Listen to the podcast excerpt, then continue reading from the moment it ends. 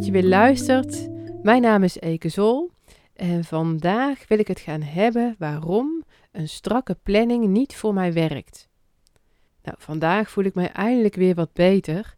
De afgelopen twee weken ben ik grieperig geweest. Wie niet eigenlijk? Het is ook echt uh, de tijd van het jaar, denk ik.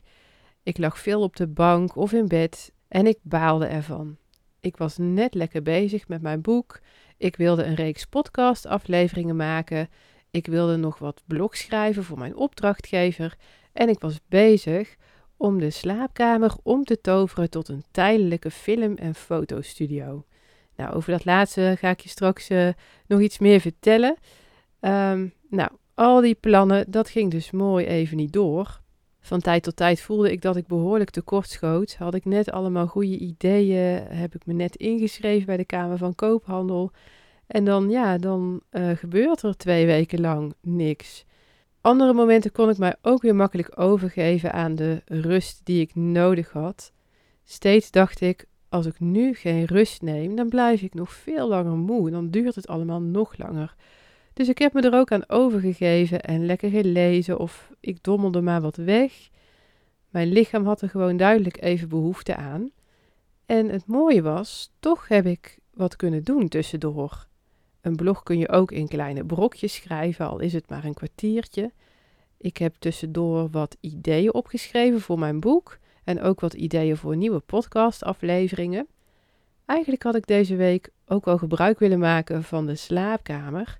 Want ja, waarom nou die slaapkamer? In mijn huis loop ik er tegenaan dat ik geen mooie ruimte heb als achtergrond voor foto's en filmpjes. Als je bij ons binnenkomt, dan tref je een chaotische woonkamer en keuken aan. En dat is, het is echt niet zo dat mijn man en ik nooit iets opruimen of schoonmaken. We hebben een dochtertje van vijf die, die wij ook gewoon lekker willen laten spelen en knutselen als ze thuis is. En ja, we kunnen er iedere avond voor kiezen om alles weer netjes in orde te maken. Maar ja, de volgende dag is het gewoon weer een bende. Dus ik concentreer mij liever op de noodzakelijke dingen zoals de vaatwassen inruimen, de ergste rommel opruimen en daarna gewoon echt iets voor mezelf te gaan doen. Zoals lezen of schrijven, dat bewaar ik vaak voor de avonden. Um, maar ja, ik liep er tegenaan ja, met een mooie achtergrond om foto's en video's te maken.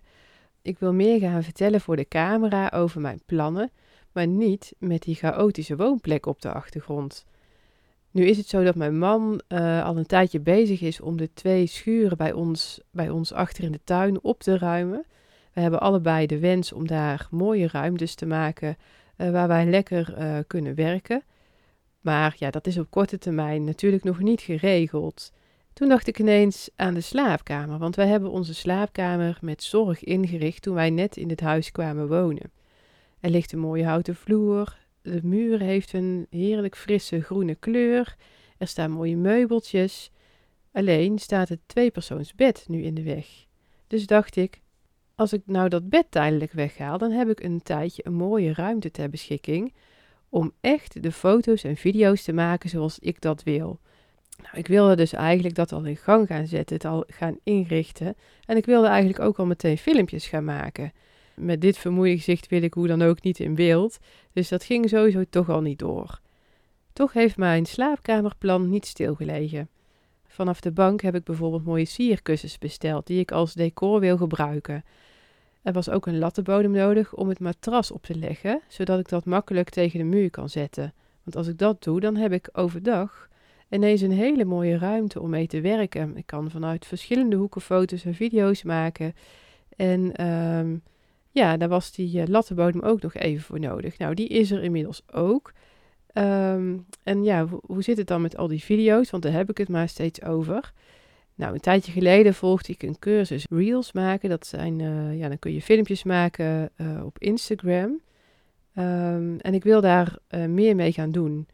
Ik wil de video's gebruiken om bijvoorbeeld ja, meer te vertellen over een nieuwe podcastlevering of over andere plannen rondom mijn onderneming.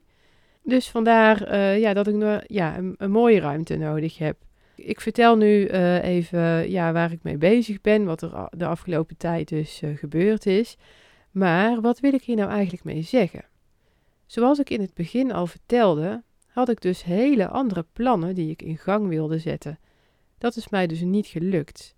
Maar toch heb ik stappen gezet in de richting van mijn doelen en wensen. Alleen op een heel ander vlak. En dat waren ook stappen die nodig waren, maar die ik had bestempeld als: ach ja, dat komt later wel.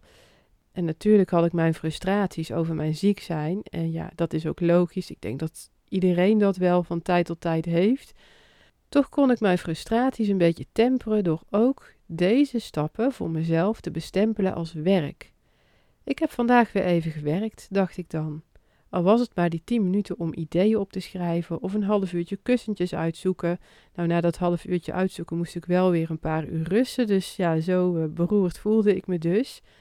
Ik had alles van tevoren heel mooi in een schema neer kunnen zetten, lijstjes kunnen maken. Dat laatste doe ik overigens wel. Alleen houd ik altijd in mijn achterhoofd: begin aan dat wat echt moet en de rest komt wanneer het komt. Nu was ik dus ziek, toch heb ik wat dingen in gang kunnen zetten en ben ik weer een stapje verder. Nou, deze situatie heeft mij weer eens doen inzien dat losjes werken met plannen voor mij veel beter uitpakt. Ik heb wel plannen, het is niet zo dat ik geen enkel plan heb, want ik moet natuurlijk wel ergens naartoe werken. Maar ik ga er dus al een tijdje losjes mee om. In mijn vorige twee afleveringen heb ik je daar ook al iets over verteld. Het gaat eigenlijk steeds over dingen loslaten, de dag laten komen zoals hij komt. En er zijn altijd momenten tussendoor dat je wel iets kleins kan doen. En nog belangrijker, benoem ook voor jezelf dat je weer iets gedaan hebt wat je dichter bij je doelen brengt. Dat neemt bij mij mijn frustraties weg. En ik geef mezelf daarmee ook het vertrouwen dat het wel goed komt. En dat er weer dagen komen dat ik meer kan doen. En als ik erover nadenk, nu ik dit allemaal vertel, heb ik toen ik nog werkte in loondienst ook min of meer zo gewerkt. Voor zover de situatie dat toestond natuurlijk, want er waren ook deadlines die gehaald moesten worden. Maar ook in die situaties waren er uiteindelijk maar één of twee zaken die in orde moesten zijn op korte termijn. En de rest kwam later wel of ergens tussendoor.